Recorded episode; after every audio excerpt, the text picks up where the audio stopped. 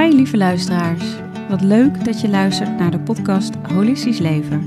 Mijn naam is Marjolein Berendsen en ik ben de founder van Zomeropleidingen. In deze podcast neem ik je samen met inspirerende experts mee in de wereld van holistisch leven. Als wij mensen met dementie echt als mens zien, dan veranderen alle regels, patronen en manieren waarop wij dit systeem hebben ingericht.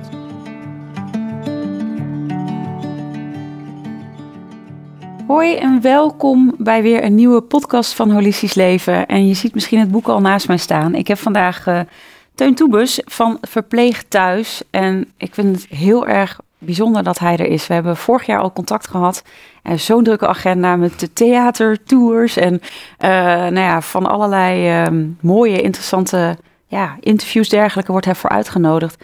Um, Teun Toebus, van harte welkom. Jij uh, woont ook in een verpleeghuis, daar gaan we natuurlijk alles over uh, horen. Maar je bent echt zorgvernieuwer. Jij hebt de missie om mensen, ja, eigenlijk met mensen met dementie te verbeteren, die wereld te verbeteren. Daar gaan we het uitgebreid over hebben. En um, ja, voordat ik begin daarmee, wil ik aan jou vragen wat holistisch leven voor jou betekent. Allereerst fijn dat ik hier mag zijn en uh, mag vertellen over mijn levensmissie. Hol holistisch leven betekent voor mij uh, leven vanuit een geloof in de mens. En dat is wat ik uh, dagelijks mag doen met prachtige mensen om me heen in het verpleeghuis. Um, dus als ik het zo bekijk, heb ik het gevoel dat ik vrij holistisch leef. Ja. Ja, echt een. Ja, ja je weet het. Ik, uh, ik ben een grote fan van jou, zoals ik je al even heb verteld. Um, misschien is het mooi om uh, de luisteraars die jou nog niet, uh, niet kennen mee te nemen. Misschien ook leuk voor luisteraars. We hebben natuurlijk veel mensen, dat vertelde je al, in de opleiding tot holistisch therapeut, die natuurlijk ja. ook in de zorg werken. Die, nou, ga echt op het puntje van je stoel zitten, want je, je valt er misschien ook wel vanaf overigens. maar ook mensen inderdaad, artsen. Uh, er is zoveel verbetering natuurlijk mogelijk. Dus daar gaan we het over hebben. Maar eerst even, hoe was jij als kind en nou ja, tot de weg waar jij nu staat? Neem ons eens mee. Ja, ik ben nu uh, 23. Uh, als kind, ik ben opgegroeid in een gezin van vier. Eh, mijn moeder is uit de kast gekomen toen ik 11 jaar was. Zij is nu samen met een vrouw. Mijn ouders hebben echt een voorbeeldscheiding gehad voor mij. In het begin was dat niet leuk, maar um, ze hebben zo'n ontzettend goede relatie met elkaar nog steeds. Uh, mijn vader kan komen eten bij mijn moeder, kan uh, blijven slapen als hij wil. Uh, dus ik heb een hele liefdevolle jeugd gehad. Um, en een hele fijne opvoeding. Ja. Ja, dus ik, daar ben ik heel dankbaar voor. Ja. Ik ben opgegroeid in Brabant. Daar heb ik ook vier jaar gestudeerd, de verpleegkundeopleiding. Um, en na mijn studie in uh, Eindhoven ben ik verhuisd naar Utrecht, waar ik uh, uh, nu drie jaar een master zorgethiek en beleid volg. Dus die rond ik volgende maand af. Wauw. En dan, is het, dan ben je echt helemaal klaar of wil je daarna ook nog iets Nou, dan ben ik klaar met studeren, maar ja, zeker niet met leven. Nee. um, ik ben toen ik 17 was of, voor het eerst in het verpleeghuis gekomen voor mijn opleiding. Voor een verplichte stage. En um, daar keek ik op zijn zacht gezegd niet naar uit, omdat ik dacht, het verpleeghuis mensen met dementie, daar heb ik toch niets mee te doen. Ja. Ik wilde acute medische zorg in, levens redden. En toen kwam ik in dat verpleeghuis en ik weet nog heel goed dat ik um, het heb ervaren als een surrealistisch niemandsland. Hmm. Um, en ik was zo verbaasd over de manier waarop mensen met dementie leven als een vergeten groep. Ja. Um, de standaard is nog steeds uh, dat mensen, als ze in een verpleeghuis wonen, wat 80.000 mensen doen in Nederland, dat ze op een gesloten afdeling wonen, terwijl het echt heel anders kan. Um, en dat heeft me toen zo aangegrepen, omdat het in een hard contrast stond ten opzichte van de liefde van mensen, van sommige uh, collega's richting uh, mensen die leven met dementie. Um, dat contrast, dat greep me. Toen werd ik mantelzorger van het jongste zusje van mijn oma. Intussen heeft mijn eigen oma ook dementie. En zij kwam te wonen in hetzelfde verpleeghuis als waar ik destijds werkte. Mm. En toen kwam ik in een rollenconflict. Toen raakte ik nog meer verbaasd over onderscheid dat we maken op basis van rollen. Ja. Um, onze eigen onmogelijkheden die we creëren. En toen dacht ik, als ik nu um, ga werken in het verpleeghuis fulltime, dan um, word ik onderdeel van het systeem en daarmee ook onderdeel van het probleem. Ja. En ik wil heel graag meer samenleven met mensen met dementie, omdat ik enorm geloof in verandering van binnenuit het systeem. Ja. Want heel veel mensen, ook zorgverleners, voelen de pijn van dit systeem. Dat is een systeem dat niet is ontstaan bij de oerknal, wat we zelf hebben gecreëerd vanuit een focus op controle en veiligheid. En toen heb ik de keuze gemaakt om op 21-jarige leeftijd uh, te verhuizen naar de gesloten afdeling van een verpleeghuis. En daar woon ik nu uh, bijna drie jaar. Ja. ja. Dus ook vanmorgen toen ik hier naar de studio kwam, toen uh, heb ik de code 2684 in moeten toetsen. Wat mijn privilege is, dat ik die code heb. Ja, om naar buiten te gaan. Om naar buiten te mogen. Ja, ja. ik heb veel. Ik heb de tranen schieten meer in de ogen, omdat uh, iedereen, iedereen die luistert, die kijkt, die kent wel iemand met dementie. Heeft ermee te maken gehad. Nou, ik iemand in mijn naaste omgeving, wat ik je ook even heb verteld. En um, ik heb daar ook zo ongelooflijk veel aan gehad aan jouw boek. Sowieso, weet je, natuurlijk de manier hoe ik zelf al naar mensen kijk. Maar het, het legde nog meer sluiers af. Ik voelde dat met de persoon in kwestie om, om haar integriteit uh, natuurlijk, of nou ja, in ieder geval dat, dat niet te schaden, zeg maar. En ik weet dat ze dat niet fijn zou vinden, maar er, ik merkte in het contact dat, dat ik haar zoveel meer voelde en zag dan dat ik haar eigenlijk ooit zag, omdat er zoveel maskers en dergelijke afvallen. Mhm. En zij ook heel erg in het moment is, dus heel erg in het nu. Wat eigenlijk heel veel spirituele zoekers naar op zoek zijn, is in het nu te leven. Dus het zijn ook ontzettende leermeesters. En dat heb ik ook in je boek zo kunnen lezen. En het, vooral het met dementie, in plaats van het is die persoon is ziek en er is iets mis mee. En dat moeten we controleren en beheersen en vastzetten. Inderdaad, gesloten afdelingen. Het mijn hart huilde. Dus ik, ik ben zo dankbaar als strijder van licht hoe jij ja, de zorg vernieuwt, hoe jij het systeem verandert. En dat, nou, dat, dat ben je aan het doen als een olievlek zelfs gewoon over de wereld met, met je boek wat in acht talen, uh, ja, voor acht landen vertaald is. Ik ben uh, ontzettend dankbaar daarvoor. Dus misschien is het mooi om, uh, ja, ja, maar echt oprecht. Ja. Ik doe het ook met heel veel liefde. Het is uh, mijn levensmissie dus. Ja, is te voelen. Ja, ik krijg er warm van. Ik heb het echt, uh, ja, het raakt me enorm. Ja, want, want, want vertel, je hebt natuurlijk in het boek beschrijf je ook de vriendschappen die ontstaan over... Uh, maar ook, je voelt, ik voel ook in het boek ja, je, je onvermogen soms, hoe, hoe, je, ja, hoe je in die rollen zit ook. Mhm. En hoe jij dan wel die deur uit mag. En de dingen die je voor ze organiseert soms, waarbij ze het super ja, waar je even de boel op zijn kop zet. Mhm. Nou, wil je er wat over vertellen? Ja, dementie is niet enkel een zorgprobleem. Dat hebben wij tot een zorgprobleem gemaakt. Dementie is vooral een samenlevingsvraagstuk, want het gaat er over hoe leven we met elkaar samen. Of anders gezegd, hoe leven we niet samen met mensen die niet voldoen aan een rationele norm die we gesteld hebben. En door vanuit een gelijkwaardige rol samen te leven met mensen uh, die met dementie leven, um, ontstaan vriendschappen met mijn huisgenoten. Ja. Um, en dat is het allermooiste wat je kunt ervaren, wat je kunt delen met elkaar. En die gelijkwaardige rol, die had ik voor mijn gevoel minder als verpleegkundige. Um, omdat ik toen uh, vaak iets van mensen wilde. Ik heb bijvoorbeeld tijdens mijn opleiding vier jaar um, heel veel methodieke technieken geleerd, uh, motiverende gespreksvoering om gedragsverandering teweeg te brengen. En een onderdeel daarvan is luisteren. Maar als huisgenoot heb ik voor het eerst pas echt leren luisteren naar mensen met dementie. Dus luisteren ja. zonder zelf een doel te hebben. En dan leer je mensen op de meest mooie manier kennen. Namelijk op de manier waarop zij zich willen presenteren. En als zorgverlener had ik een heel medisch dossier. Wist ik bijna alles van mensen. Ik wist welke ziekte ze hadden, wat hun zorgvraag was. Ik wist hoe de familierelaties uh, waren. Ik wist um, wie de eerste contactpersoon was. En nu weet ik alleen van mijn huisgenoten dat wat zij mij willen vertellen. Dus mijn huisgenoten hebben die identiteit die zij graag aan willen nemen. Ja. En terwijl ik dit zeg, besef ik me heel goed dat dat ook zo is in het normale leven, zonder dementie. Ja. Dus in het leven eh, buiten het verpleeghuis. Maar in het verpleeghuis ligt de nadruk, naar mijn gevoel, nog zo sterk op die controle en veiligheid. In plaats van op die geluk en saamhorigheid, waardoor um, de kwaliteit van leven enorm onderdrukt wordt. Ja. Omdat de boodschap van mij, en dat heb je ook waarschijnlijk gelezen, gaat niet zozeer over dementie als ziekte. Ik vind het niet interessant om te weten dat Alzheimer-dementie door een B-amyloïd-eiwit veroorzaakt wordt. Totaal niet. En wat ik wel interessant vind, is wat de impact is van institutionalisering in onze samenleving op hoe mensen in de gemiddeld laatste acht maanden van hun leven hun leven mogen leven. Ja, en die invloed van die institutionalisering, die is ontzettend groot in onze samenleving. Ja, enorm. En ehm, want de cijfers, uh, daar schrok ik ook van. Hè? Want zeker nu we met de vergrijzing te maken hebben. En dat 1 op de 5 natuurlijk met dementie te maken gaat, zou gaan krijgen. Dus ook voor jezelf en je eigen toekomst. Van hey, hoe wil jij daar zelf zitten? Mhm.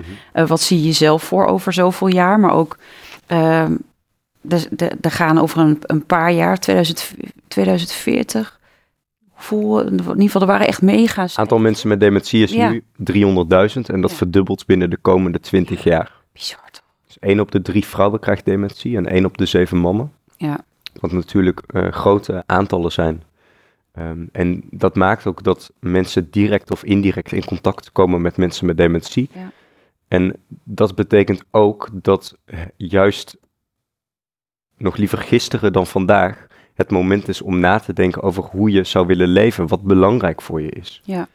En op het moment dat wij een angst voelen voor het verpleeghuis, dan is het aan ons om dat systeem te veranderen. Want mensen die nu met dementie leven, die hebben vanuit dit juridische systeem geen stem meer. Die stem ligt bij de wettelijk vertegenwoordiger. Dus het is aan ons om op te komen voor mensen die um, die positie niet meer hebben vanuit dit systeem. Want hoe zou jij het ideale beeld voor je zien? Hè? Want je bent nu, je leeft mhm. zo je levensmissie, uh, juist door ook nog gewoon op de gesloten afdeling te wonen met de code die ik dan even niet uit mijn hoofd mhm. weet. Um, maar uh, hoe zie je het voor je? Als jij even zo, neem ons mee naar over. Ja, laat ik ook een beetje context ja. schetsen hoe ik woon. Want veel mensen denken, eh, waarom woon je in het verpleeghuis en hoe ziet dat eruit? Ja, precies. Stap 1. Ehm, stap 1. ja, ik woon dus uh, in het oude kantoor van de zorgverleners. Dat is zo'n 11 vierkante meter op de gesloten afdeling. Um, we hebben een gedeeld toilet. Um, we hebben een gedeelde huiskamer waar we dus avonds eten om kwart over vijf. vroeger kende ik als verpleegkundige de AVG Privacy en nu is AVG staat voor aardappels, vlees, groenten, wat we uh, iedere dag eten. Dus ik woon echt op die gesloten afdeling. Um, en wat voor mij het allerbelangrijkste is, is het mensbeeld. Dat is mijn allergrootste focus. Dus hoe kijken we naar mensen die leven met dementie? Hoe kijken we naar elkaar? En ik geloof erin dat als we anders gaan kijken naar mensen met dementie, dat we ook anders gaan doen. Anders kijken leidt altijd tot anders doen. En als wij mensen met dementie echt als mens zien, dan veranderen alle regels, patronen en manieren waarop wij dit systeem hebben ingericht. Om je een voorbeeld te geven, dan mogen wij gewoon een zacht gekookt eitje, wat nu niet mag, omdat er een angst is dat we massaal bezwijken aan salmonella. Een ander voorbeeld, dan mag mijn huisgenoot Murielle van de Antillen ook naar buiten als het boven de 30 graden is, wat nu niet mag, omdat er een hitteprotocol is.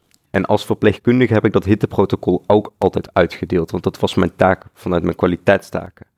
Maar ik heb mezelf nooit de vraag gesteld, waarom doe ik de dingen zoals ik ze doe? Ja.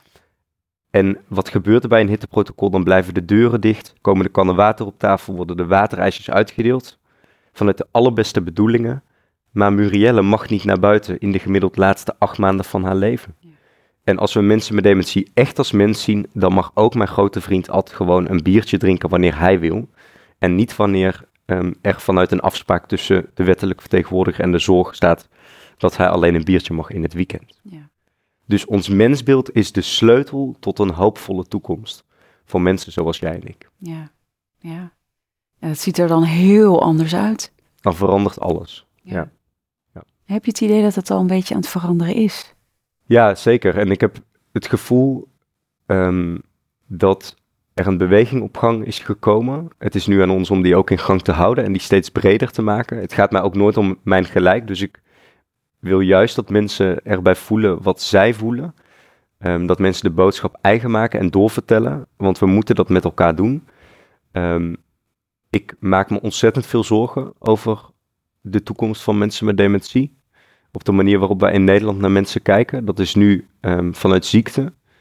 Ehm, maar ik ben wel hoopvol over de toekomst, omdat wij dat wel kunnen veranderen. Ja. Ehm, dus dat stemt mij wel vol hoop. Want, want ja, misschien even wat, wat meer gerichtere vraag hierover. Merk je ook dat het verpleeghuis waar jij nu ook woont, dat daar al kleine veranderingen gaande zijn op kleine schaal? Of zeg je van ja, maar dat mag niet van, bo van bovenaf, dus dat kan niet? Of... Nou, zeker niet dat laatste, want ik denk dat is niet het eh, grote probleem. Ik ben allereerst heel dankbaar dat ik de mogelijkheid krijg om daar te wonen. Want de organisatie waar ik nu woon, maar ook de vorige organisatie, ehm, hebben het vertrouwen gegeven dat Ja, ik daar mag en- wonen. Wat voor hun een ehm, wat lef laat zien. Enorm. Ehm, zij vertrouwen mij en ze hebben gezegd: je hebt alle vrijheid, je mag alle media uitnodigen die je wil, als je huisgenoten maar akkoord zijn. Dus wat betekent dat dat ook Duitse filmploegen of ehm, een grote Engelstalige krant, zij mogen gewoon naar het verpleeghuis komen, omdat zij ook geloven in de noodzaak van een maatschappelijke dialoog. Dat we dit niet als zorg op kunnen lossen, maar de maatschappij daarbij nodig hebben. Ehm, binnen het huis waar ik woon, ben ik bewoner. Ja. Geen zorgverlener. Ehm, ik ben echt bewoner. Ik ben dus ook geen verandermanager. Dus mijn grote doel is niet om het huis waar ik nu woon te veranderen, want dat is mijn rol niet. Ik wil dat we in de samenleving anders gaan kijken.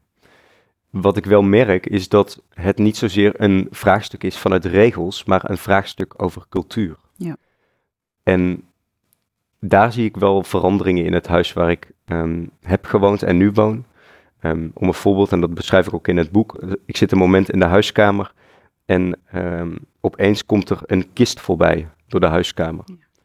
En dat blijkt van een huisgenoot te zijn. Eh, die is overleden. Alleen dat werd niet met ons gedeeld vanwege de AVG-privacy-wetgeving. Die natuurlijk nooit zo bedoeld is, Nee. maar die wordt binnen een cultuur zo opgepakt. We hebben drie keer per dag met elkaar aan tafel gezeten, voor maanden lang. Waarom zou je niet mogen vertellen dat iemand overleden is en ook niet waaraan? We, we, we zijn huisgenoten, Precies. we leven in hetzelfde huis. Toen hebben we dat aangegeven en in het vervolg werd het wel met ons gedeeld. En mochten we ook mee naar de uitgeleide. En de uitgeleide is in het verpleeghuis iets waar ehm, eh, iemand dan vaak met familie de laatste route be- ja, Ja, bewandeld. bewandeld Ja. eh, gaat richting de rouwauto. Ehm, dus dan wordt de, de kist geduwd door de familie met eh, vaak bloemen erop. En dan staan de zorgverleners eh, bij eh, de deur naar, de, naar buiten. En dan buigen we een keer. En daar mochten wij als bewoners nooit meer naartoe. Dan bleven we op de gesloten afdeling. En nu mochten we wel mee. Ehm, tegelijkertijd was er een andere huisgenoot overleden. Want mensen overlijden Ja. ehm, eh, relatief snel in een Nederlands verpleeghuis. Omdat mensen lang thuis blijven wonen. Ja. Ehm, en wij mochten, eh, toen kwam er een zorgverlener terug van, goh, het was zo'n mooie uitvaart. En toen dacht ik wel, goh, wat was het fijn als wij eigenlijk ook mee naar die uitvaart mochten. En daar mochten rouwen samen, want dat schept ook een band, een relatie. Dus er zijn heel veel verbeteringen, ehm, maar er blijft ook wel ruimte voor Ja, nee, maar inderdaad, weet je, het, het ene wat je krijgt, nodigt ook weer uit tot iets. Zeker. En ik, ik Ja. kan me ook voorstellen dat het feit dat je in ieder geval die uitgeleide al mocht hebben met die groep mensen, met je, met je groep bewoners, dat je zegt dat het ook een stuk veiligheid geeft. Want je bent samen en straks er verdwijnt iemand. Ja, hoe onveilig is dat ook? Dat je. De geborgenheid en het delen van ehm, het, het leven, dat komt met een lach en een traan. Ja. Ook in het verpleeghuis. Dus eh, het is juist belangrijk dat we dat ook met elkaar delen. Ja, want dat schrijf je ook echt wel. Ook de momenten dat je natuurlijk ja, mensen ziet overlijden die je heel dierbaar zijn.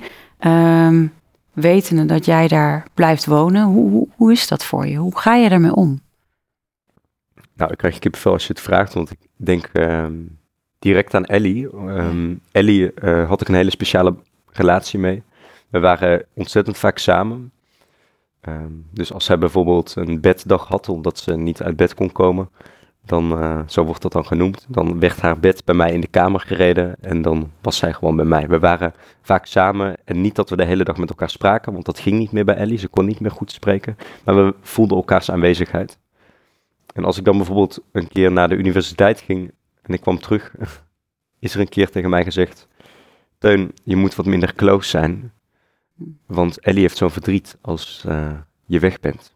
En toen dacht ik, maar hoe mooi is het dat je op 92-jarige leeftijd nog zo'n relatie op mag bouwen, dat je nog zo van iemand mag houden, dat je iemand mag missen. Hè, dat je verdriet mag hebben als iemand er niet is. Ja. Um, uiteindelijk is Ellie overleden met nou, ook wel veel laatste maanden met toch wel lijden. Um, en ik kan dat dan wel rationaliseren, want ze is en blijft 92. Uh, ze heeft dementie.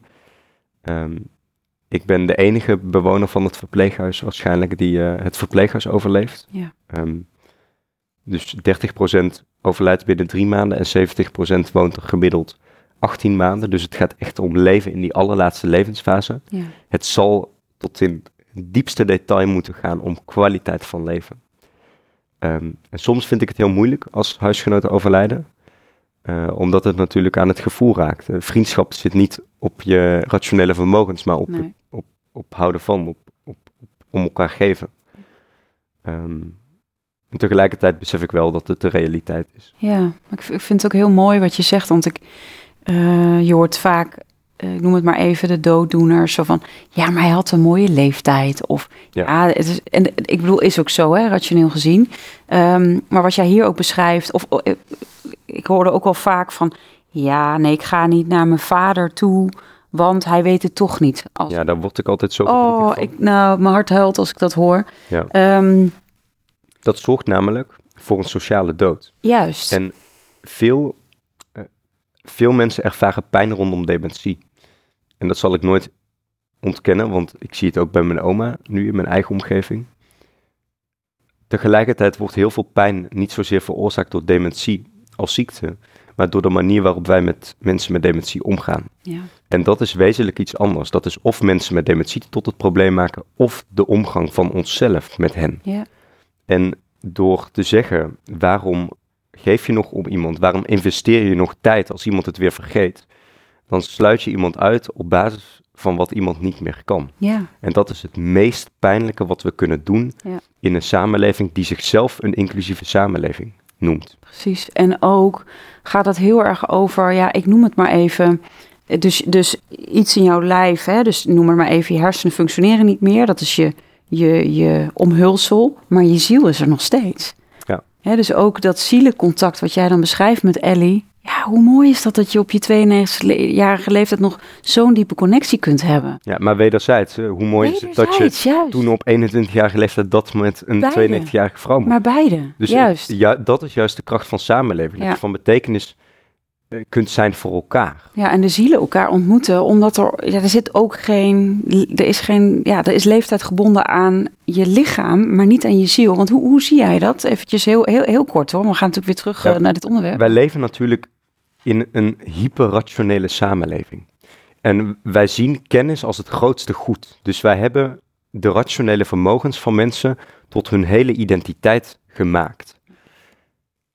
Maar dat is natuurlijk niet de realiteit, want wij als mens bestaan uit zoveel meer dan alleen rationele vermogens. En het feit dat rationele vermogens zich door dementie op een andere manier ontwikkelen dan we gewend zijn, betekent niet dat mensen minder mens zijn of dat ze minder identiteit hebben, want dat ervaar ik iedere dag, dat leer ik van mijn huisgenoten, dat zij nog altijd een heel sterk gevoel hebben.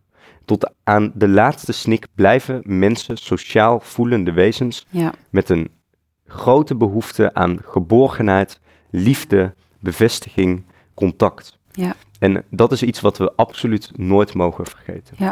wij, eh, ik heb een stichting, wist niet of je dat weet, eh Teun, maar eh, we hebben een stichting opgericht waar we gratis reiki-sessies geven in, nou, blijf van mijn lijfhuis, maar ook verpleeghuizen. En ook daar, als we daar komen, het is niet dat we hele behandelingen geven, maar gewoon even een hand vasthouden. Dat contact en elkaar aankijken Mhm. is alles. En dan zie je dus ook hoeveel mensen, eh, nou ja, ook in de coronaperiode, ik weet nog met mijn oma, die zei, oh maar het kan me niet schelen of ik corona krijg, kom kind, hou me vast. Ja. Ze zegt, ik, ik raak niemand aan, weet je, hou me vast, gewoon dat. Dat je dus ook voelt dat die, eh, dat je dus ook ziet hoe belangrijk het is om dat contact te hebben. En dat, eh, hoe, hoe merk jij dat bij de bewoners? Want ik kan me voorstellen dat veel... Het is natuurlijk de kern van het bestaan. Dat is, dat is contact maken met elkaar. Ja, Dus de basis van dat mensbeeld is eh, gelijkwaardigheid. eh, dat je contact kunt, met elkaar kunt hebben. Dat je gezien wordt als volwaardig mens.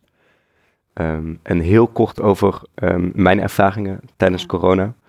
Ehm, ik ben gaan wonen in het verpleeghuis toen er een bezoekverbod was.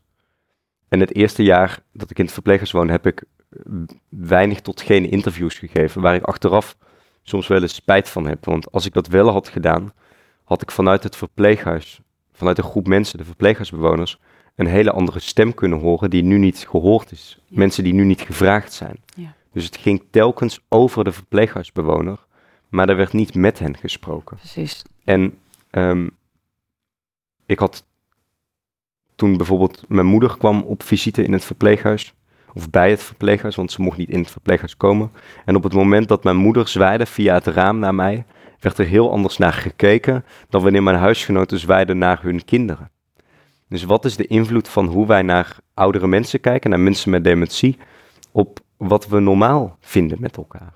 En die invloed is zo ontzettend groot. Dat vind ik het waardevolle van dus als jongeren wonen in een oude wereld. Je doorbreekt een patroon. Ja.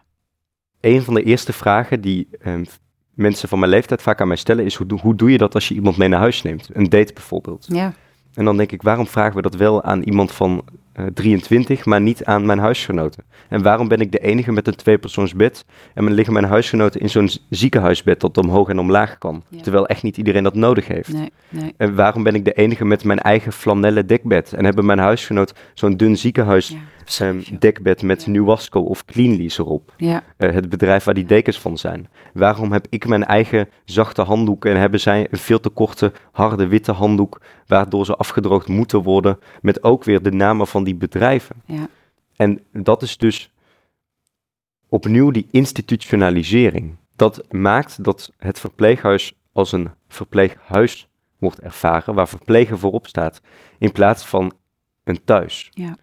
En mensen ontnemen van hun thuis in de laatste levensfase, dat is ontzettend pijnlijk. zo schrijnend. Ja, ja, En het gaat niet om tientallen mensen. Ehm, nogmaals, 300.000 mensen met dementie leven nu op dit moment. En zo'n 80.000 mensen wonen eh, in een woonvorm. Waarvan er prachtige initiatieven zijn. Echt prachtig. Die laten zien dat het anders kan binnen dit systeem. Met deze mogelijkheden. Maar het is echt de uitzondering op de regel. ja. Dus het is aan ons nu om van die uitzondering de nieuwe standaard te maken. Precies. Ja, echt, echt, ja, dat we echt zorgvernieuwend kunnen zijn. Ja. daarin. ja. Ja, en dat vraagt dus niet nieuwe producten, want in Nederland, dat is mijn ervaring, denken we vaak dat we, geld, dat we zorg verbeteren met meer geld of nieuwe producten. Het, een ander mensbeeld kost niet meer tijd en kost niet meer geld. Het is een andere manier van organiseren, een andere manier van werken. Ja, en, en kijken. En- Wij besteden in Nederland zo'n 18 miljard euro per jaar aan verpleeghuiszorg. Dus dat is 1200 euro per volwassen Nederlander. En tegelijkertijd wil bijna niemand in dit systeem wonen. Dus dan moeten we toch echt anders kunnen. Ja. Ja, dit is echt. Ik zag jou, jouw film inderdaad. eh, ja, je, 15 minuten geloof ik voorbij komen waar je dit ook aangeeft. En het is echt. Ja, zo heftig ook die cijfers. En, en komt het al bij de politiek aan? Heb, je al Zeker, ja. Ja, dus eh, ik was gisteren nog in Den Haag. Ehm, en ik spreek regelmatig met de ministers. En ik heb eh, Mark Rutte nu drie keer gesproken over dementie. Ehm, dus het komt zeker aan en er wordt geluisterd. Tegelijkertijd hoor ik ontzettend vaak in mijn omgeving... eh, Teun, eh, dit moeten eh, politici horen. Teun, dit moeten de beleidsmakers horen. Teun, dit moeten de mensen van hogerop horen. Maar dat is allemaal buiten. En dat is Ja, precies het mechanisme. Zij moeten het horen, want dan verandert het. Maar het is een illusie dat als beleid verandert, dat de praktijk mee verandert. Want Ja. de praktijk heeft nog de invloed van cultuur. Ja. Om een voorbeeld te geven. ehm, een van de punten waar ik me hard voor maak is het openen van de gesloten afdelingsdeur. Omdat mensen als collectief opsluiten op basis van een ziekte, is natuurlijk nooit zorg op maat. Waarbij ik niet zeg dat veiligheid niet belangrijk is. Alleen het gaat om een balans tussen veiligheid enerzijds en kwaliteit van leven anderzijds. Die gesloten deuren, dat die open moeten, dat stond al in 2020 in de wet. maar de praktijk is dat nog heel veel huizen als standaard een gesloten afdelingsdeur hebben. Ehm, en het is de kunst van het verleiden. Dus als we van dat huis een thuis maken, Ja. dan willen de meeste mensen niet meer weg. Ja. En als wij het gevoel hebben, ieder mens, dat je opgesloten zit, dan wil je weg. Dan ga je zoeken naar een uitgang. Als je weet, ik kan weg, en je gaat echt niet naar de snelweg, soms loop je even buiten of even een frisse neus halen, dan zit je veel geruster. Ja, en dat geldt ook voor mensen met dementie. dat is Want ook de basiswaarde, die vrijheid. exact. Je, je- je- mensen met dementie blijven mensen zoals jij en ik. Ja, waarom zou je hun vrijheid beperken? Het is toch, toch Ja, dat is eh, wel de realiteit. Ja, maar het is ook echt mooi. Ik vind het mooi. Weet je, eh, ik, enerzijds hoor ik je dus zeggen, het begint in het klein, hè, vanuit bij de baas bij, bij jouzelf en zo Ja. door naar de omgeving, hè, zodat een, een eigen verpleeghuis een verpleegthuis wordt. En tegelijkertijd vanuit de politiek hoe we die controle en regelgeving kunnen veranderen. Eh, ja, niet alles Maar het is allemaal belangrijk. Hè? Dus Precies. de, meerdere eh, gebieden zijn belangrijk. Tegelijkertijd En, en, ja. is het echt cultuur. Ja, Dus ehm, dat maakt ook dat mijn boodschap in het boek niet gaat over dementie. Het gaat ook in het onderwijs zullen mensen dit zo ervaren. Het is die institutionalisering. ja, Op het moment dat er een incident gebeurt in een verpleeghuis, ehm, dan is de kans groot dat er een kamervraag wordt gesteld en dat er vanuit de minister een nieuwe collectieve maatregel wordt verlangd die dit risico vermijdt in de toekomst. Ja. En zo zijn er gesloten afdelingen ontstaan. Dan leggen we het uit over het collectief in plaats van te kijken wat heeft een persoon individueel nodig. Ja. En ehm, waarom mag ik als 23-jarige alles doen wat God verboden heeft? Als ik dementie zou hebben, ziet mijn leven er heel anders uit. Dus het creëren van een, een mooie, hoopvolle toekomst voor mensen met dementie draait niet zozeer om het creëren van nieuwe visies. Het gaat om het, om het tot praktijk maken van visies die er al zijn. Want in alle visies in, van zorgorganisaties in Nederland staat eigen regie, persoonsgerichte zorg, zorg op maat, leven als thuis. Maar wat betekenen die Ja, dingen in de praktijk? Ja, precies. Wat is de invulling daarvan? Ja, En dan is het niet aan ons om dat voor het collectief te bepalen vanuit het mensbeeld. Het is een groep zieke mensen. Nee, dat is ook aan mensen zelf. Ja, en wa- precies wat je ook zegt over die cultuur. Hè? Het is zo. Ja. Ja, het is echt. Maar ik vind het gewoon heel mooi. Het is echt een olievlek die je zo verspreidt. Weet je, want op alle vlakken mag het gehoord worden. Maar inderdaad ook in ziekenhuizen. eh, hè. ik bedoel, in dit geval gaat het over dementie. Maar laat het ook weer de andere groepen inspireren om te kijken. Inderdaad, met onderwijs. Het gaat ook heel erg Ja. over maatwerk. Ja, ja. En over. Het gaat erom dat we de mens voorop moeten stellen. Juist. En niet het creëren van nieuwe universele regels. ehm, op, en die op mensen loslaten die allemaal anders zijn. Ja, dat is voor mij ook waar holistisch leven over gaat. Ja, ja. Nou, we gaan een kaartje trekken, Teun. Want er zijn ook heel veel luisteraarsvragen. Maar voordat we daar over gaan, eh, even een... eh, Leuk, ja, de ene ligt omgedraaid, dan Oh, trekt het me toch om juist die te pakken.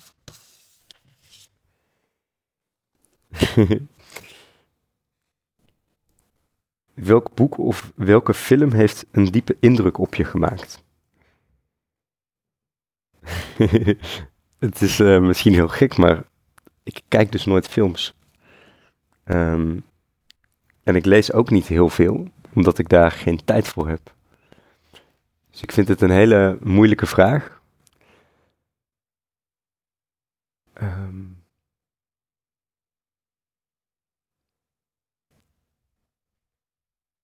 Dat is een moeilijke vraag. Waar zou je misschien een film over willen maken? Want het boek heb je al. Over samenleven. Ja.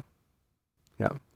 Ja, maar dat is ook wel ehm, wat ik nu eh, aan het doen ben met een eh, documentairemaker. Dus ja, we maken nu een eh, film voor de conferentie met G20 landen in oktober. En daar hebben we elf landen voor bezocht in vier verschillende continenten om te kijken hoe mensen met dementie leven.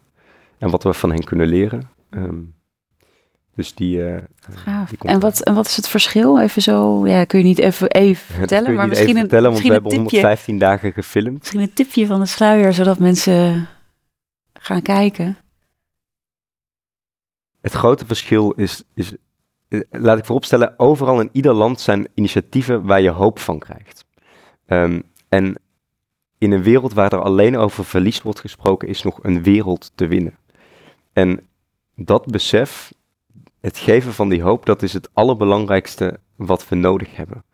Ehm, in Moldavië bijvoorbeeld ehm, hebben ze minder geld, maar leven mensen nog veel meer samen. Eh, in Zuid-Afrika hebben we twee weken in townships uh, geleefd, samen met uh, documentairemaker Jonathan de Jong. En daar hebben ze geen verpleeghuizen. Mensen hebben elkaar nog nodig.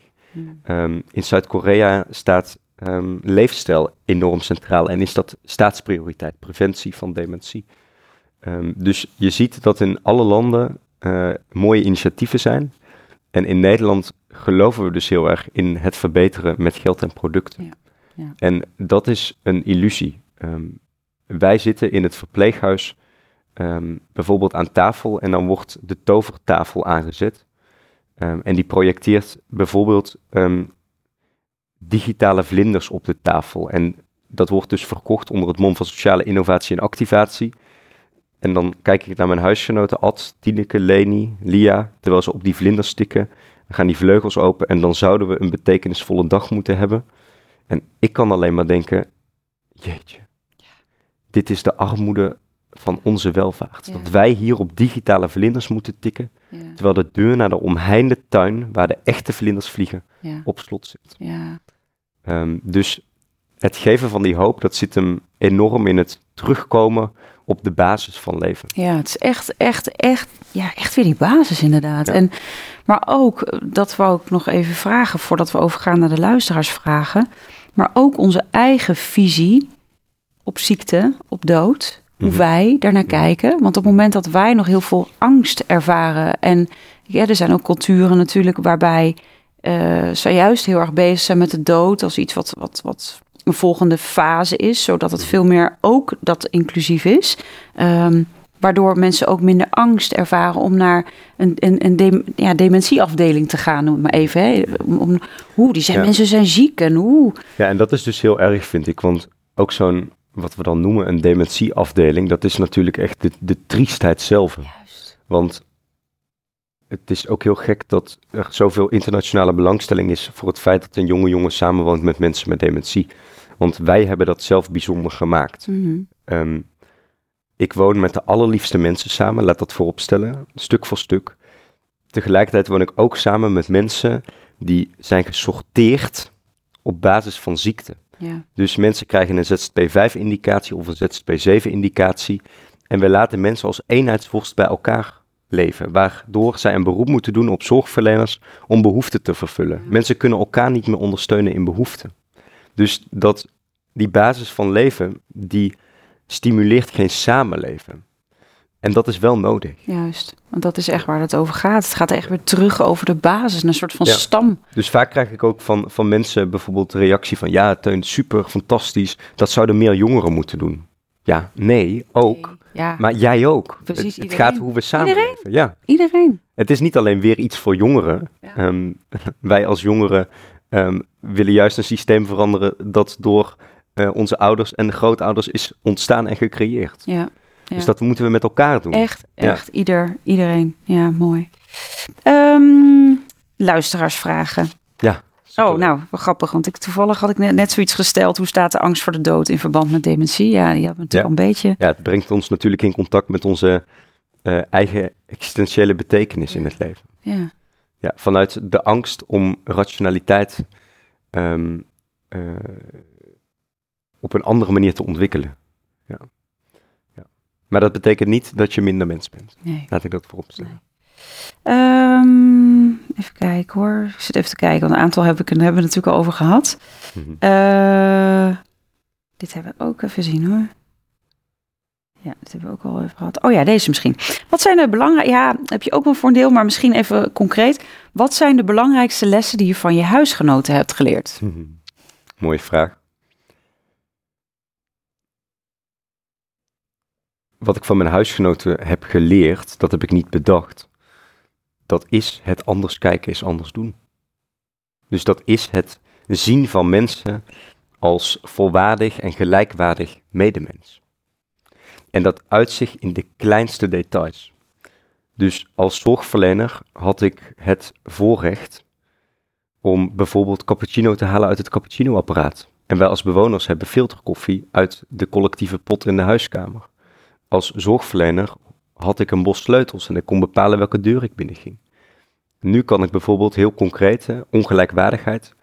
Ik kan bijna geen sleutelbos meer horen. Ik kan aan de sleutelbos horen of het de coördinerend zorgverlener is of de woonbegeleider.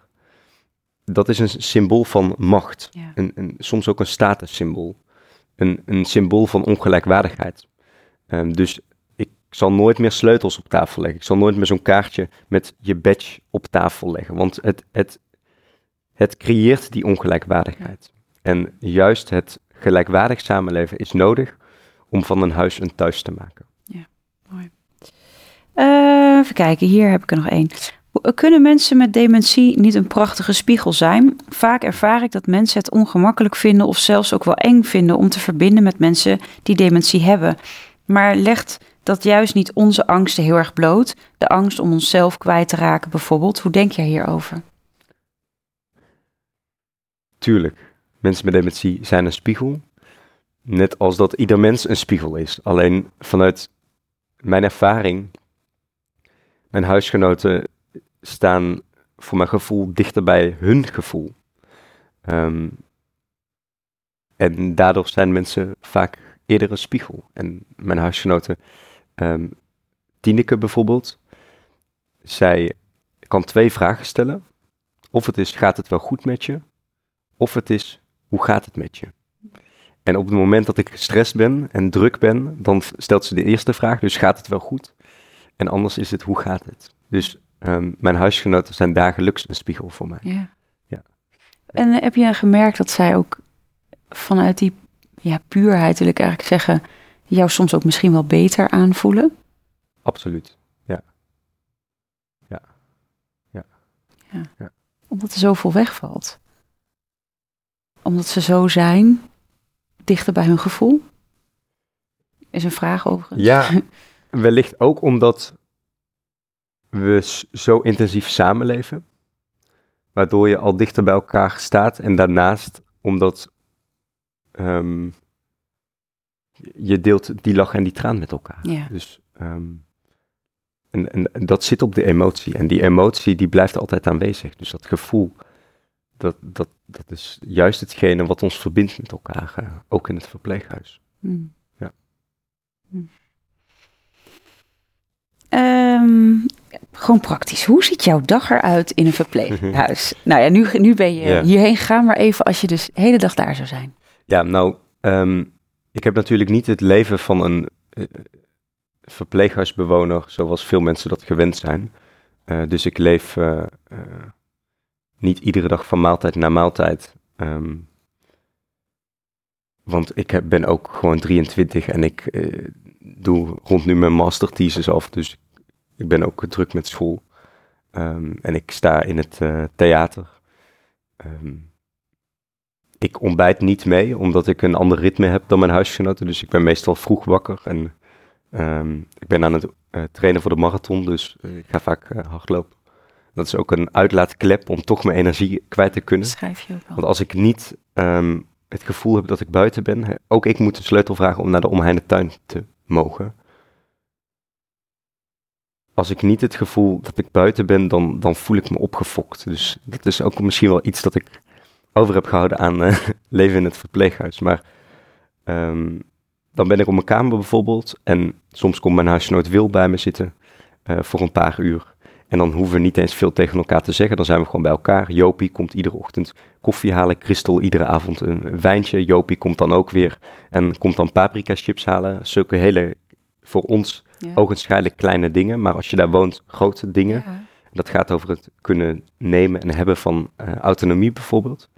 Eh, komende zondag ga ik samen met Jopie naar haar kleindochter. Ehm, zij heeft het syndroom van Down en heeft nu een galbelaasinfectie. Ehm, omdat Jopie zich veel zorgen maakt. Ik heb een rolstoelauto, dus daar kunnen we op pad. Kunnen we daar toch naartoe? Kunnen ze toch samen zijn? Eh, vorige week zondag ben ik samen met mijn huisgenoot Wil eh, naar een museum geweest in haar geboorteplaats. Waardoor zij ehm, direct zei, toen we liepen in die plaats, ik loop hier veel lichter. Het is eh, Arnhemse grond. Oh, Ehm, en met Jannie bijvoorbeeld vorige week naar het winkelcentrum gegaan. Omdat ze nieuwe parfum nodig had. En omdat ze gewoon even eh, wilde shoppen. ja. Ja, dus ehm, natuurlijk is het fantastisch om met elkaar dingen te ondernemen. Maar mensen met dementie zijn geen surrealistische wezens die de hele dag vermaakt moeten worden. Nee. Dus de kern van samenleven ligt hem niet in iedere dag opnieuw nieuw, nieuwe dingen doen. Nee. Ligt hem ook in juist die gewone dingen met elkaar delen. Wat iedereen met, met anderen thuis zou doen. Dus gewoon chillen, Precies. zitten bij elkaar. eh, af en toe eh, misschien ook klagen. Ja. ehm, eh, praten over wat er allemaal gebeurt om je heen. Ehm, en, en dat leven met elkaar delen. Wat zijn nou de meest besproken dingen, als je het zo mag samenvatten, van alle gesprekken die je in deze drie jaar tijd hebt gehad? Nou, dat is de laatste tijd met een paar huisgenoten van mij wel echt dat mensen weg willen uit het verpleeghuis. Ja. Dat mensen naar huis willen. Ja, naar hun thuis. Ja. Ja. En niet, eh, niet iedereen ervaart de gesloten afdeling als een gesloten afdeling. Maar veel mensen ook wel. Ja. En als er maar één iemand is die het gevoel heeft opgesloten te zijn in de laatste acht maanden van het leven, dan is het het waard om te veranderen. Ja. En mijn ervaring is dat het veel meer mensen dan één zijn. Ja. Dat is het meest besproken nu. ja. Ja. En, en merk je dan ook, is een beetje suggestief eh, mogelijk, maar gewoon ook uit nieuwsgierigheid, dat ze zich in de steek gelaten voelen door mensen in hun omgeving of weggestopt of hoe? Nou, sommige mensen wel. Ja. En eh, ehm, ik geloof erin dat je als familielid altijd het beste wil voor je geliefde en dat je ontzettend je best doet. Het is soms, voelt soms zo machteloos aan. Ehm, en ehm, dat is opnieuw ehm, die sociale dood. Dus ik vind het heel pijnlijk als huisgenoten in het verpleeghuis komen wonen. Dat noemen we dan, je wordt opgenomen. Ja. Ja, je gaat ergens wonen. en sommige huisgenoten hebben bijvoorbeeld nog één, twee, drie vaste mantelzorgers die heel intensief zorgen. En alle andere mensen hebben al bijna afscheid genomen. Ja. Die komen misschien in de eerste twee, drie weken een keer kijken om te weten hoe zit iemand erbij. Uit hun nieuwsgierigheid, vanuit hun behoeften. ja. Ehm, en daarna zie je mensen soms niet Soms meer. gewoon niet meer, hè? Ja. Ja, ja. die, die verhaal heb ik ook wel Ja. gehoord. Dan maar hard huilde, ja. Ja. ja. Ja, ook omdat ze het misschien zelf niet aankunnen. Of omdat ze denken het is kunnen. beter zo. Of ja. Ja, is, eh, zo fijn dat hier, ja, fijn, maar je, naar gezegd, maar dat er aandacht is nodig. hiervoor nodig. Ja, Ja. fijn is niet het goede woord, maar nodig. Het is zo nodig. Ehm, nou ja, hier, wat is volgens jou nodig in een wereld om mensen met dementie een fijne leven te geven? Wat we nu, eh, wat we nu mogen doen. En je vertelt al om te. Ja, dat is dus dat mensbeeld. Hè. Dat mensbeeld is het fundament van deze noodwendige, Ja. noodzakelijke verandering. Ja, dus, dus ehm, hoe kijken we naar elkaar? Ja. Ja. En als dat is als mens, dan verandert het. Ja. Daar geloof ik echt heilig in. Ik heb hier eh, nog staan, wauw Teun, wat doe je prachtig werk. Wat wil je nog meer doen voor de mensen met dementie? Wat is jouw droom over vijf jaar, tien jaar? Zeer van toekomst, ook mooi. Nou, vijf jaar geleden ehm, eh, begon ik net aan mijn stage en in die tijd is er heel veel eh, veranderd. Dus ik weet niet wat ik over vijf jaar doe. Wat ik wel weet is dat ik een levensmissie heb. En dat is het verbeteren van de levenskwaliteit van mensen met dementie. En daar blijf ik mee bezig. Ja. ja dus wat dat ook gaat zijn, ik, ik eh, blijf me daar met ziel en zaligheid eh, Ja, voor inzetten. maar ja, de, die, die documentaire kunnen we verwachten. Ja, Eh, eh, 2 oktober komt de documentaire dus uit op de top met G20-landen. Ehm, die komt hopelijk ook op de publieke omroep. En daar zijn we nu over in gesprek. Ehm, in november komt eh, een tweede boek uit. Ehm, dus je blijft zoeken naar ehm, manieren om de boodschap op zoveel mogelijk manieren Ja. in de samenleving terecht te laten ja. komen. Waar gaat je tweede boek over? Die ligt in het verlengde van de documentaire. Dus die gaat over eh, alle hoopvolle lessen vanuit verschillende culturen, vanuit verschillende landen. Ja. Ja, mooi, want dan heb je ook echt die, die integratie. Je kunt dan Ja, en je kunt veel dieper eh, Ja. alle mooie initiatieven eh, ja, belichten. belichten. Ja. Ja, Ja. Vooral eh, mensen laten voelen. ja. Ehm, dus de basis ligt eh, in mijn woonsituatie, dus met mijn huisgenoten. Eh, en van daaruit ga ik eh, op zoek toch naar een andere kijk over, op dementie. Ja, ja mooi. Dus echt op zoek en, en mensen daarin meenemen. Ik hoop ook zo dat ook weer andere groepen. Kijk, ik, ik ben natuurlijk ook een vrouw met een missie. Dat heb ik je verteld. Hè. Uh, voor mij gaat holistisch leven ook heel erg over mensen naar ja, thuis brengen bij zichzelf. Nou, als je het hebt over thuis, is natuurlijk ook, heeft het, heeft het mm heel erg mee te maken. Ik vind het heel fijn dat wij zo, zo matchen, dat dat dit ook weer verspreidt bij iedereen. Weer onderzomen, et cetera. Mhm. Maar merk je ook al dat je andere mensen met missies hebt gevonden die bijvoorbeeld in het onderwijs zitten of een... Ja, zeker. Er zijn heel veel, uh, dat, dat, maakt ook dat ik eh, veel vertrouwen heb in de toekomst. Um, er zijn heel veel jongeren die zich uh, inzetten voor een een betere wereld. Mensen die zich hard maken voor ehm, eh, goed onderwijs. Mensen die zich hard maken voor jeugdzorg. Waarin recht wordt gedaan aan uh, kinderen. In hele kwetsbare posities. Um, dus dat zijn, is een mooie beweging gaan. En dat is niet altijd het geven van antwoorden, maar ook een beweging van het stellen van vragen. Juist, juist die. Ja. En juist dat is belangrijk. Ja, ja. Dus ik zie het ook voor, maar ik heb... We vragen wat wij voor ehm, normaal en logisch aannemen. Ja, precies wat je eigenlijk al... Ja, wat automa automatisme is geworden. Waarom zou je er nog over nadenken eigenlijk? ik, ik ervaar het, wij, noem het maar, wij leiden, brengen mensen weer terug naar het licht waar, waar het licht eigenlijk altijd brandt in jezelf. En we leiden lichtjes op die weer andere lichtjes aansteken. Dan merken we ook van, oh, maar dit kan ook in het onderwijs. Of oh, maar dit kan ook.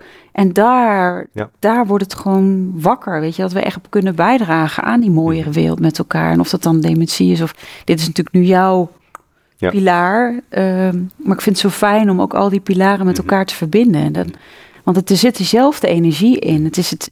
Het gaat erover hoe creëren we een betere wereld dan de wereld waarin we nu terecht zijn gekomen. Ja, en die waarin we opgroeien. Ja, ja, die echt wel, uh, die niet vrij voelt. Mhm. Die niet gaat over je eigen authenticiteit, autonomie, maar over het, mhm. het, het volgen mhm. tussen de ja, schaapjes die we allemaal mak hebben gemaakt, noem het maar bijna. Maar de, de leeuwen die opstaan, die hun eigen, of ja, maar, ja wordt een, durven duif. een luis in de pels. ja, ja. Dat gevoel. Ja, dat gevoel, ja.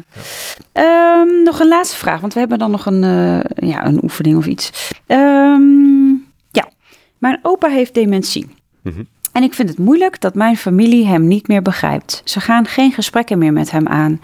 En laten hem tijdens verjaardag meer links liggen. Ik wil graag aangeven dat het gewoon echt niet oké is. Hoe ga ik dit gesprek aan? Mhm.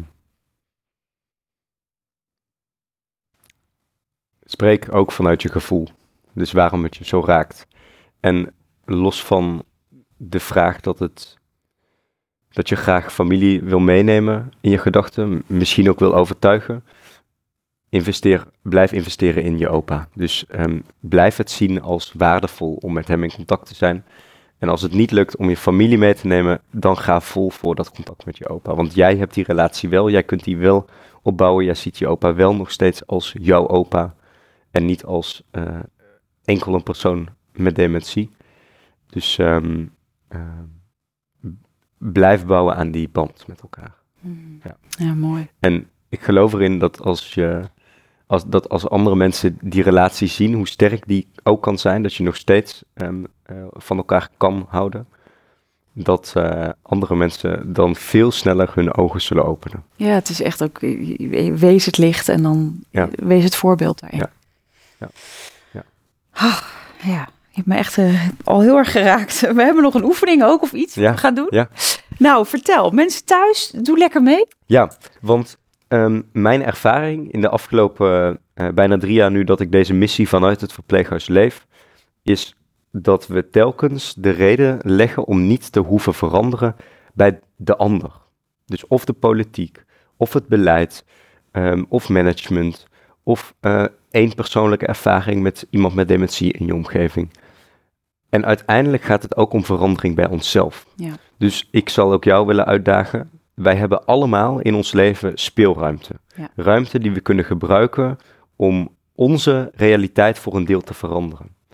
Dus ga na wat die speelruimte voor je is en wat je eraan kunt doen om de wereld voor mensen met dementie vandaag nog uh, mooier te maken. Een, een wereld waarin mensen die hoop nog mogen ervaren, een wereld waarin mensen het gevoel kunnen hebben dat ze ertoe doen, dat ze mee mogen doen. Ehm, dus bedenk die speelruimte en ik hoop dat we daar ook naar gaan handelen. Ja, Dan is dat anders kijken ook eh, in de praktijk gebracht tot anders doen. ja, mooi. Ja, ik voel het vooral ook als je het zo zegt, natuurlijk persoonlijk in, in mijn eigen omgeving, maar ook eh, met de stichting. Mhm. eh, dat daar ook zoveel te behalen is. Wat ik zelf heel ingewikkeld vind, is dat je ook hoort, ja, vanuit ons is natuurlijk zo dat eh, als we dan in een verpleeghuis komen, eh, dat er wordt aangegeven, het mag alleen als de Mhm. familie Mhm. het heeft goedgekeurd. En dan zie je soms iemand kijken van, ja, maar mag ik dan niet worden aangeraakt? Nou, dat, daar helpt mijn hart echt van. Om daar ook de maas misschien in de wet te vinden Ja. van om toch even dat contact Ja. te maken. Dat is die enorme juridisering.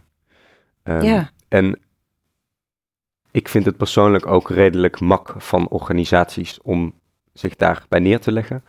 Ehm, want juridisch gezien zien we de stem van de wettelijk vertegenwoordiger als hetzelfde als de stem van iemand met dementie. Maar mijn ervaring is dat die niet altijd hetzelfde is. Dus als je als zorgorganisatie eigen regie in je visie hebt staan, wat dus iedereen heeft staan, dan betekent dat ook in de praktijk dat je daarna moet handelen. En dus vanuit het gevoel en het gedrag van mensen met dementie eh, die dagen moet kunnen leven. Ja. Ja. ja, want ik merk wel dat, ja, dat raakt mij ook, is dat ik gewoon zie dat mensen zich dan buitengesloten voelen. Van mag ik dan niet logisch. meedoen? Logisch ook. Ja. Het is verschrikkelijk. Want dus, dus ergens voel ik, oh fijn dat ik iemand op dat moment gewoon even een hand kan vasthouden of even kan verbinden, dat contact. En dan zie je echt zo, helemaal zo, zo te open gaan, die gloed. En de andere En zo, ja, ja. En anderen zo van, en ik dan? Ja, ik kan het niet laten om toch even dat, de contact te maken. Ja, maar dan moet je altijd blijven doen. Blijf gewoon doen. En dan denk ik, ja, of je het nou reiki noemt of aanraking, maakt het is toch gewoon die oprechtheid. Mhm. Dus ja, ik, ik heb het idee dat, dat we dat in het klein ook vanuit onze stichting ook kunnen doen. Van oké, maar we gaan het gewoon wel op die manier. eh, Ja. ja. Ja, en misschien niet alleen mensen met dementie, maar misschien ook zorgverleners. Ja, ja. ja, dat hebben we ook gedaan trouwens. Dat zeg je, zeg je mooi. We laten ook altijd even. eh, we hebben natuurlijk allemaal meer vrijwilligers over heel Nederland. En juist ook zorgverleners die even kunnen zitten. Familieleden. Oh, even Ja. dat. Ja, maar ook. En dat doen we bij Ronald McDonald Huis. Even familieleden die weer naar een kind. Hup. Ja, dus het gaat kunnen. niet altijd over tijd, maar ook over eh, het geven van prioriteit. En ik geloof erin dat iedereen eh, oorspronkelijk werkt vanuit liefde voor de mens. Maar in de taken die we ook onszelf opleggen, eh, vervalt die liefde soms voor eh, het werken in plaats van het aanwezig zijn. Ja. En echt die oprechte aandacht. En echt dat luisteren waar we eigenlijk het gesprek mee begonnen. Mooi. Mooie opdracht, dankjewel. Met liefde gedaan. Ah, heb je nog andere tips of iets wat je wil meegeven wat we nog niet hebben besproken? Waar je denkt van, oh, daar mogen Nou, we ook ik- nog aandacht aan Ik woon geven. lange tijd in het verpleeghuis, dus ik kan natuurlijk uren doorvertellen Ja. over eh, hoe we naar elkaar kijken en hoe we dat kunnen veranderen. Wat voor mij ontzettend belangrijk is, is dat mensen de boodschap dus eigen maken en, en de samenleving inbrengen. Want uiteindelijk lossen we dit niet op met meer zorg, maar met een andere manier van samenleven. Ja. Dus eh, daar hoop ik op, dat mensen die boodschap blijven omarmen. Mooi. En voor mensen thuis ook even die oefeningen. Schrijf nog even op. Misschien kun je hem nog één keer herhalen. Want ik kan me voorstellen dat mensen denken: oh, wat ging dat ineens snel. Kun je hem nog één keer herhalen? Ja, ga na wat je speelruimte is om de wereld ehm, vandaag nog beter te maken voor mensen die leven met dementie. En mochten mensen het leuk vinden, fijn vinden, mensen mogen me altijd een bericht sturen op social media. Ik, ik lees alles en ik reageer overal op. Dus eh, Ja, dat is fijn. Dus, dus voel echt mensen, weet je, want we hebben het. eh, misschien kom je zelf ook ooit in een eh, verpleeghuis te zitten. Ja, je, die kans is best groot. als je 90% het zo van hoort. de mensen met dementie overlijdt in dit systeem niet in de thuissituatie. Nee, Dus daarom. die kans is heel groot. Die kans is dus heel groot, ja, ja. En even los van het op jezelf te betrekken, juist mooi in de omgeving, wat je nu kunt doen in het klein. Eh, ja, ga echt, neem echt even tijd ervoor. Want ik, ik, ik merk gewoon, ja, je zag het bij, volgens mij bij mij wel. Ik ben echt een aantal momenten, en eigenlijk wel de hele periode, voel ik kippenvel, eh, voel ik tranen in mijn ogen. Het raakt me echt zo enorm. Juist omdat het zo als je beseft hè, dat kinderen met baby's worden met zoveel liefde verwelkomd hier op, hier op aarde. Als ik kijk naar mijn dochter Maya, denk oh, weet je, het is het allermooiste wat er is. me voorstel dat iemand overlijdt, daar helemaal vereenzaamt en eigenlijk sociaal niet meer meedoet. Ja, Kinderen mogen nog risico lopen in het leven. En dat maakt ook, wij vragen in deze boodschap niet om gouden kranen in verpleeghuizen. nee. Het is geen idealisme. Op het moment dat we het leven kunnen leven zoals jij dat graag wil, als idealistisch bestempelen, dan zegt dat heel veel over de manier waarop we nu met mensen met Absoluut. omgaan. Absoluut. Ja. Want ook als je kijkt, hè, als, of Maya ook al, dus is de kans natuurlijk groter dat ik, eh, dat, zij mij overleeft. Hè, ga maar vanuit. Maar ze is nog steeds diezelfde ziel. Of ze nou dat babytje geboren wordt of in dat verpleeghuis zit, ze nog steeds diezelfde. Waarom zou daar voor de een meer aandacht zijn en voor de ander niet? Mhm. Ja. Bizar toch? Ja. Geloof jij in leven na de dood? Ik moet hem je vragen. Ik ben gewoon heel Ik nieuwsgierig. moet heel eerlijk zeggen dat ik daar eh, niet zoveel mee bezig ben. Nou. Eh, Nu denk ik van niet, maar het kan over een paar jaar heel anders zijn eh, vanuit mijn ervaringen. Ehm, ik ben heel, vooral heel actief bezig in het leven nu. Ja. Ja. en ehm, ik, ik, ik kijk niet met angst naar de dood. Nee. Dat zeker niet. Nee. Ehm, maar nu doe ik er alles aan om zo, zo, zo intensief mogelijk te leven. En in het leven te staan Ja. en het leven te verrijken ook van dus de mensen met Ja. dementie. Dank je wel. Nou, ze kunnen je vinden op jouw social media natuurlijk. LinkedIn, je bent eigenlijk overal wel actief. Ja, met name op eh, Instagram en LinkedIn. Instagram, LinkedIn. Een nieuwsbrief, heb jij eh, iets waar ze op kunnen abonneren? Nee, dat heb ik niet. nee, Misschien een mooie dan. nee, nee. Ja, ik, ik doe veel op Instagram. Neem ik mensen mee in het verpleeghuis. En eh, Nou, documentaire dan dus in het najaar. Je Het tweede boek in het najaar. Nou, dat ga ik zeker volgen. Misschien Gelukkig mooi om je dan nog een keer uit te nodigen. Ja. Wil je echt onwijs, onwijs bedanken. Echt eh, zo blij dat dit, eh, dat dit eindelijk is van. Ja. We zaten vorig jaar al. eh, ja, ja, dank je wel. ja, met liefde gedaan. En dank dat ik hier mocht zijn. En iedereen heel erg bedankt voor het luisteren. Ja, iedereen bedankt voor het luisteren. En deel alsjeblieft ook deze podcast. Waar je denkt, dit moet gehoord worden. Deze zielsmissie, levensmissie mag breder worden verspreid. Doe het alsjeblieft, want dit is zo, zo, zo hard nodig. Dus ik hoop daarin op je hulp. ehm, ook namens Teun en alle bewoners, medebewoners zo van jou. Dankjewel. Dankjewel voor het luisteren naar de podcast Holistisch Leven. Holistisch Leven is een prachtige ontdekkingsreis. We reiken je graag de tools en kennis aan om je in deze reis te begeleiden. Ben jij door deze podcast geïnspireerd om de volgende stap richting een holistisch leven te zetten? Kijk dan op onze website www.zoma-opleidingen.nl voor meer informatie over de cursussen en opleidingen die we aanbieden. Je kunt je daar ook inschrijven voor onze nieuwsbrief. En vind je deze podcast leuk? Volg ons dan via je favoriete podcast-app of abonneer je op ons YouTube-kanaal. Zo verspreiden wij samen meer licht, liefde en bewustwording. En maken we de wereld een stukje mooier. Tot volgende week!